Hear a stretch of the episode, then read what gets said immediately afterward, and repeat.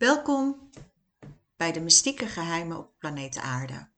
Fijn dat je bij mij bent. Ook vandaag wil ik je graag weer meenemen op reis. Ik wil je meenemen naar het begin der tijden. Alleen nu is het het scheppingsverhaal volgens de Bijbel. En wie wil ik dan benoemen? Ik wil vandaag met jou spreken over Lilith. En Lilith wordt ook wel de eerste vrouw van Adam genoemd. Ik ga je gewoon meenemen. Lilith is een eh, vrouwelijke demonische figuur in de Joodse mythologie. Mogelijk is het gebaseerd op Lilitu.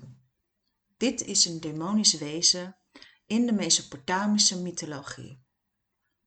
Ze werd voor het eerst vermeld in de Babylonische Talmud in de derde tot de vijfde eeuw.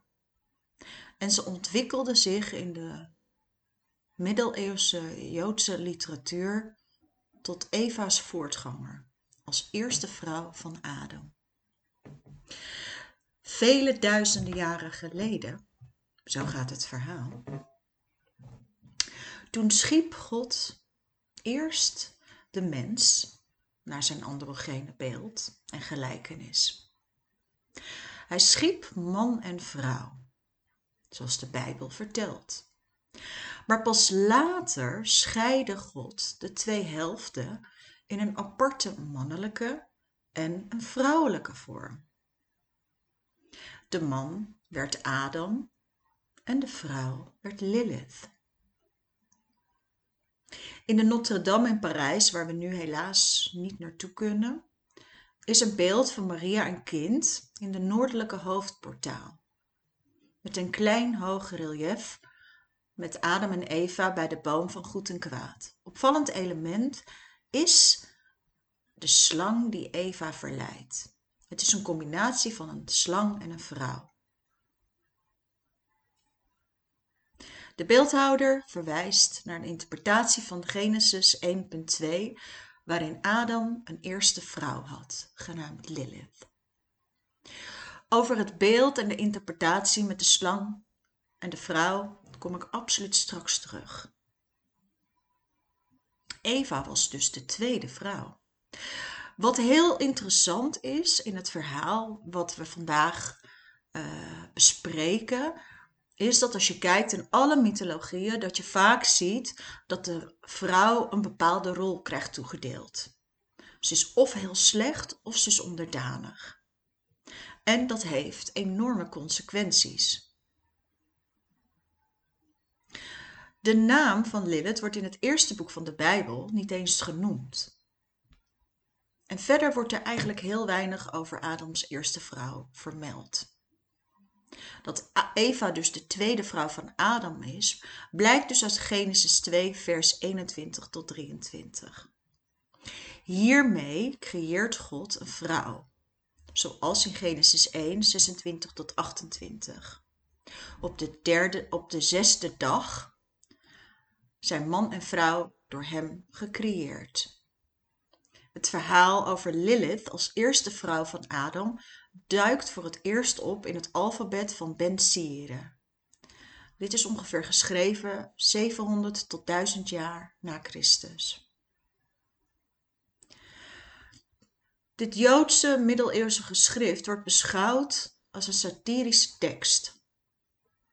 Een onderdeel ervan is de geschiedenis van Lilith, gebaseerd op de twee scheppingsverhalen van de vrouw in de Bijbel. Wat dus zo interessant is,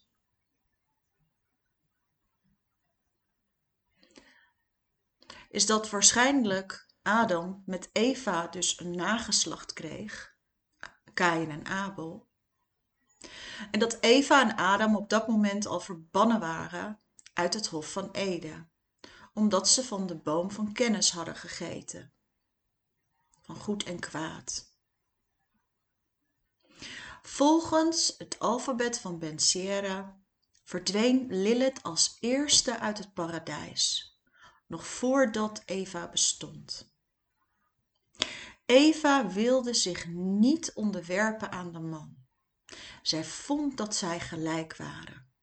En waarom vond zij dat nou? Zij vond dat omdat God hun gemaakt had uit dezelfde stof.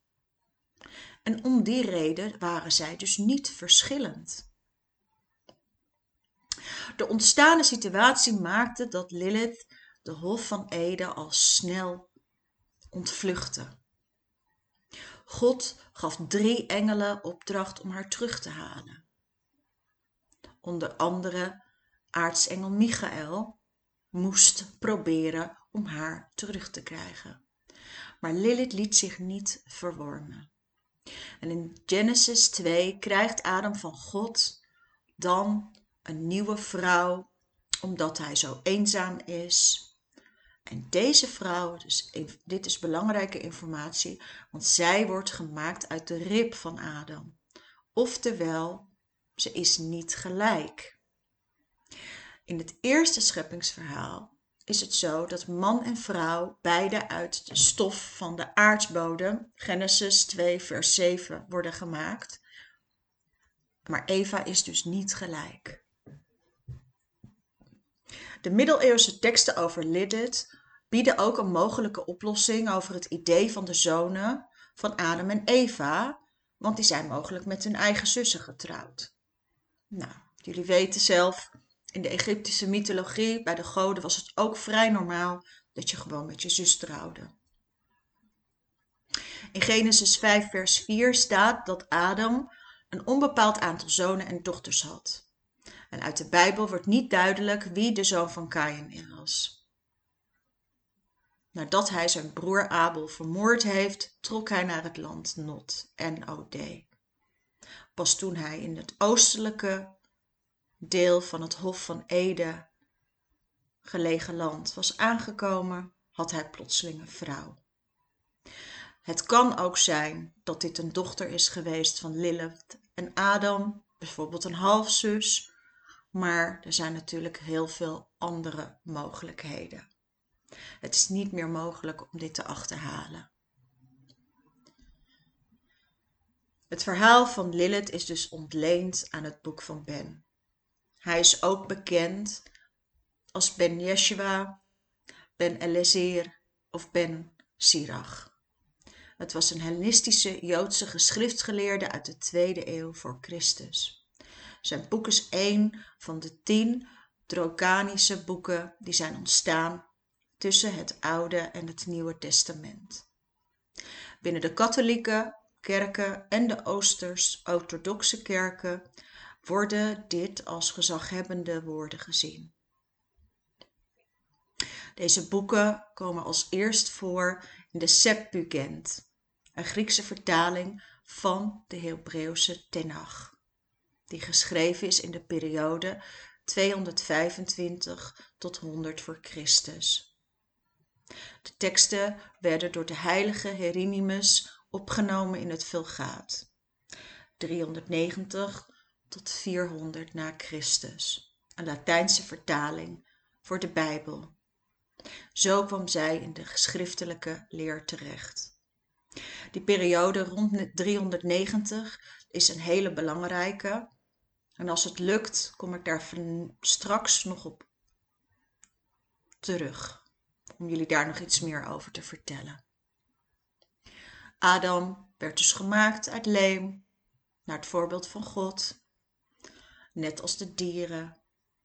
En het waren dus gelijke wezens. Maar Lilith, die ging naar de woestijn. en zij wilde niet terugkomen. Ze sliep met allerlei demonen en vluchtte steeds verder en verder. Waarom hadden Lilith en Adam nou, ruzie. Lilith wilde ook bovenop. En dit zorgde voor dusdanige ruzie dat zij wegging. En waarom benoem ik dit? Omdat je ziet bijvoorbeeld in allerlei uh, stromingen, als het gaat om religies, dat het heel belangrijk is dat die vrouw altijd maar onderdrukt blijft. Je ziet ook hier wat daarin gebeurd is en hoe zij letterlijk gedemoniseerd is. Dus ze zeggen dat ze gevlucht is en dat ze met allerlei demonen sliep en dat ze daardoor heel veel kinderen baarde. God zei: Kom alsjeblieft terug. Dat wilde ze niet. Hij dacht: dan komt er een nieuwe vrouw, Eva. En Eva was wel ondergeschikt. In de middeleeuwen ontstond het verhaal dat Lilith niet alleen met de demonen in de woestijn sliep, maar ook de vrouw was van Lucifer, de duivel. En dat zij Eva verleidde om de appel van de boom van goed en kwaad te eten. Het verhaal wat ik aan het begin vertelde bij het relief op de Notre-Dame. Lilith, die als demonische slangenmens Eva verleidt om de appel te eten en haar daarna naar de zondeval drijft. Daarmee was de vrouw zowel onderdanige Eva aan de man, maar ook de verleidster van kwaad, Lilith. Omdat ze dus uit hetzelfde geslijk waren gemaakt, vond Lilith dat ze dezelfde status had.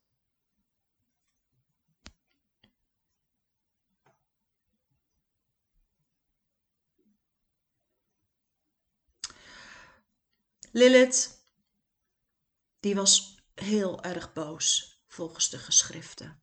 En toen Adam haar duidelijk maakte dat hij echt de baas was, toen riep Lilith in haar wanhoop de onuitsprekelijke naam van God aan, de eeuwige, en hij beantwoordde haar schreeuw door haar vleugels te geven. Waarom zeg ik dit? Omdat ik daar zo meteen nog op terugkom.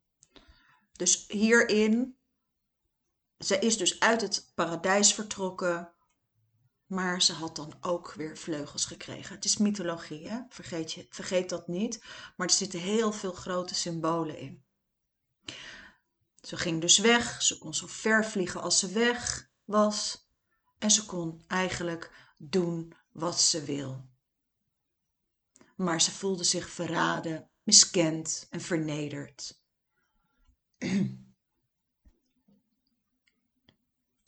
Gabriel, Michael en Raphaël, de aartsengelen, die werden erop uitgestuurd om Lilith te zoeken en terug te halen. Maar ze weigerde een compromis. Ze onderging liever de straf van haar schepper en liet zich verbannen naar een onherbergzame streek bij de Rode Zee. Ze was mooi en verleidelijk en haar natuur was hartstochtelijker dan elke vrouw dan ook. En samen met Sameel, de aartsengel van de dood en meester van de gevangen engelen, vierde zij een losbandig leven en gaf dag na dag geboorte aan demonische wezens. Als straf voor haar ongehoorzaamheid besliste God dat ze elke dag honderd kinderen zou verliezen van de kinderen die ze baarde van de kroost. En ze vond dit natuurlijk weer onrechtvaardig, want zij wilde dus geen compromis sluiten. Ondertussen was Eva gecreëerd uit de rib van Adam en ze waren heel gelukkig in het paradijs. De boom van kennis van goed en kwaad, dan mochten ze niet aankomen. Tot op een dag.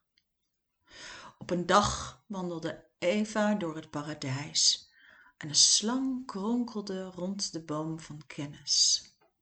Eva, lief kind, heb jij geen zin in een lekkere appel?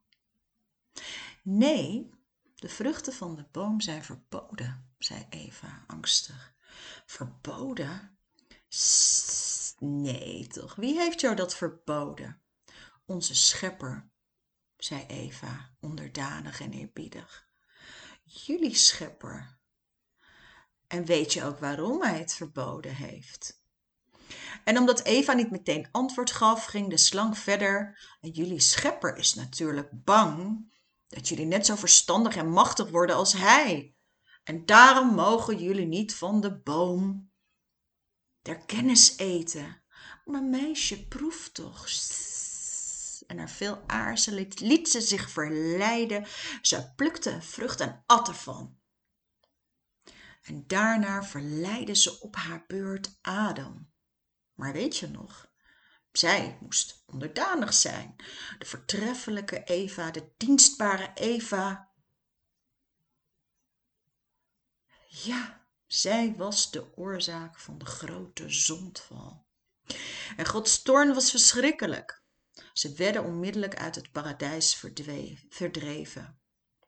En vanaf dat moment waren ze bewust van hun kwetsbaarheid, hun naaktheid en hun sterfelijkheid. Ze zouden in het zweet des aanschijn hun brood eten, zoals het oude verhaal gaat.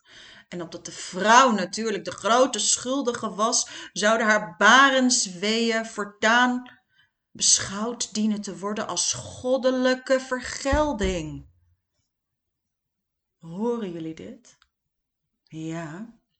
Want van vrouwen werd dan vanaf nu af aan expliciet verwacht dat zij geestelijk en seksueel trouw en onderdanig waren en aan de echtgenoot. En Eva, die schaamde zich over alle ellende die zij had gebracht over de mensheid, terwijl Lilith, vervloekt en provocerend als ze was, zich koesterde in haar triomf.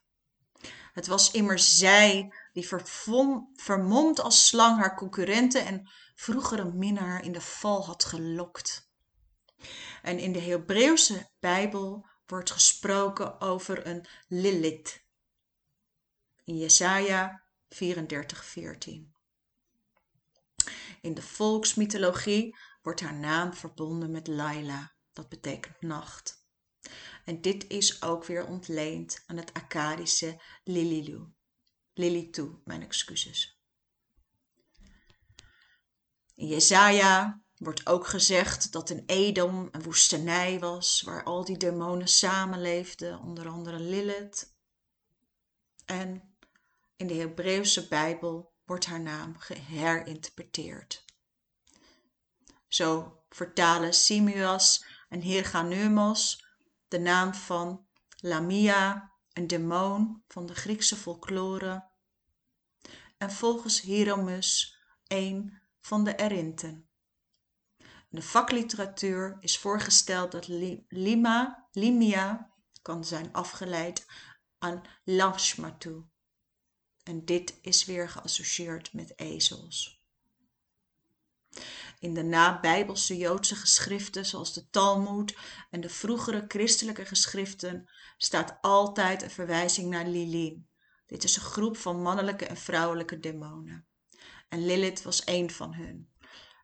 Het is belangrijk, deze informatie, want nu komt alles bij elkaar samen. Lilith wordt beschreven als een demon met lang haar en vleugels. En weet je nog, aan het begin vertelde ik dat ze op een gegeven moment vleugels kreeg om weg te vliegen. En ze zijn s'nachts actief en mannen dwingt zij tot copulatie die alleen in huis slapen. En een enkele keer geldt zij als de partner van Agriman, de kwaadaardige tegenstrever van de oppergod Or-Mazat uit het Zoroastrisme. En dat is ook grappig, ja grappig, weet je nog, de grote Zorro? Dus het Zoroastrisme. In de Midras staat voorts dat Lilith een kindermoordenaar is. En in de Armeense, magische, exorcistische en andere teksten is er geen sprake van een groep Lilin, maar een groep Lilith.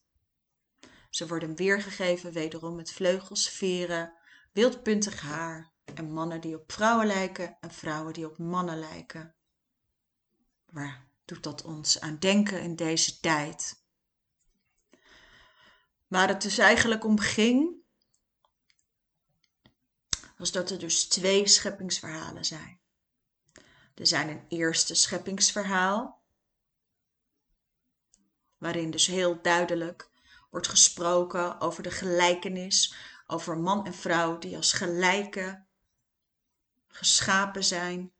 En er is een tweede scheppingsverhaal waarin de vrouw is geschapen vanuit de man.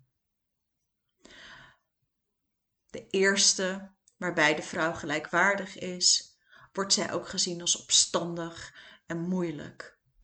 Bij de tweede wordt zij gezien als de onderdanige vrouw, zij die verantwoordelijk is, waardoor de wereld in de zondeval terecht is gekomen. Het is allemaal haar schuld.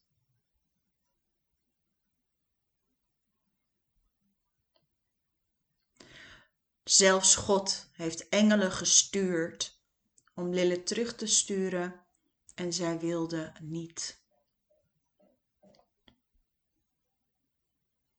God zei tegen Lilith: Ik ga dus elke dag honderd kinderen van je laten sterven.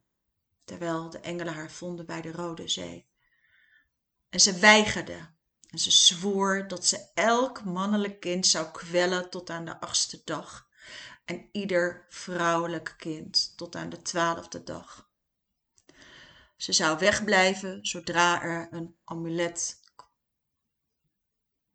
werd geplaatst met de namen van de engelen Michael, Gabriel en Raphaël. Er bestonden nog meer alternatieve verhalen. Ook in het christendom en in de middeleeuwen groeiden ze uit tot de grondlegger van heksernij en de grootmoeder van de duivel of de duivel zelf. Zo zou ze dus die slang geweest zijn.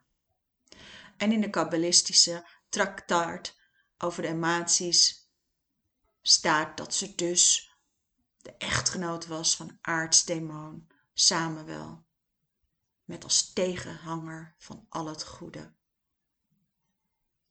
In latere kabbalistische bronnen werd de koning van, koningin van Seba met haar gelijkgesteld met nog een van de koninginnen uit Koningen 1, 3, 16 tot en met 28. Tot in de 18e eeuw ontstond de traditie dat jonge moeders met pasgeboren kinderen medaillonnen droegen om zich te beschermen tegen Lilith. Want ze dachten dat zij alleen maar s'nachts actief was. En het geloof in de demon Lilith bestond nog tot in de 20ste eeuw. Amuletten ter bescherming worden nog altijd gebruikt in Israël.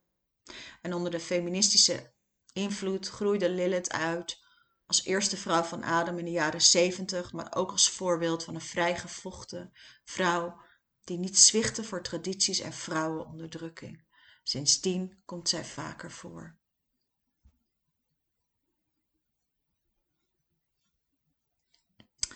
Ik wilde graag nog even met jullie delen, omdat ik zei dat het belangrijk is, zo rond 400 na Christus.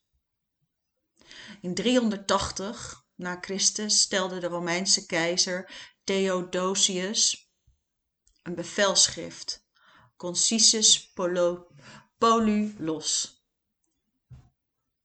Dat is een belangrijk stuk want daarin werd het christendom als staatsreligie voor de Romeinse Rijk neergezet. En dat betekende het einde van veel heidense gebruiken binnen het Rijk.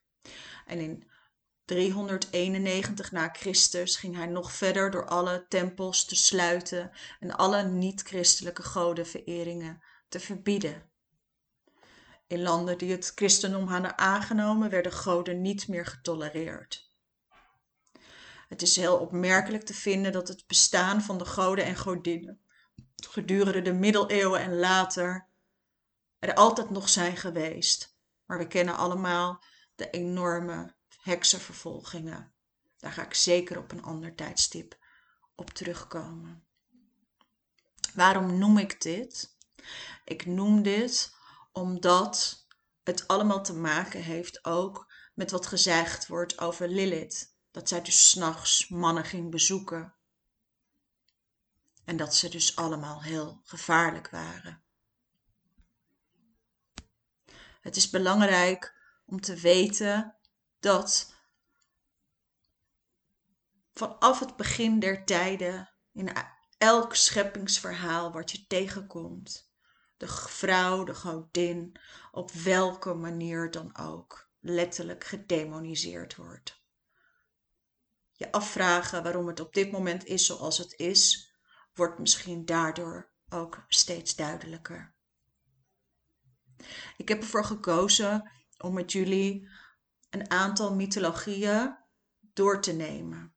Dit ga ik voorlopig nog doen, omdat het goed is om je te realiseren waar de verbanden liggen als je kijkt naar duizenden jaren geleden en waar we nu op dit moment staan. We hebben nog zo ontzettend veel met elkaar te bespreken en ik weet dat ik echt met jullie samen dagenlang kan vullen. Maar alles op zijn tijd. Volgende week ben ik er weer met een mooi verhaal. Wat gebeurd is. Of in ieder geval waarvan we denken dat het geweest is. Iets van oudere tijden. Wat ons ook brengt naar waar mensen in geloofd hebben. En ik blijf erbij dat het echt interessant is waarom nu hele werelddelen nog maar geloven in één God. En in de toekomst ga ik met jullie die weg lopen, zodat het steeds duidelijker en helderder voor jullie wordt. Maar ik vond vandaag dat Lilith er recht op had om over haar verteld te krijgen. Ik vond ook dat ook Eva er recht op had om ook haar verhaal, dat dat ook gedeeld wordt. Want ook zij is verantwoordelijk gesteld voor de zondeval. En dat zijn hele heftige uitspraken. De wereld is gevuld met mystieke geheimen. En terwijl ik mijn zoektocht bezig ben, kom ik zo ontzettend veel tegen. En ik beloof jullie, we hebben nog heel veel met elkaar te bespreken. Ik wil je heel erg bedanken dat je er vandaag weer bij bent. Mijn naam is nog steeds Patricia Mensink. En we zien elkaar hopelijk snel, maar we spreken elkaar zeker volgende week. Dankjewel en tot dan. Dag!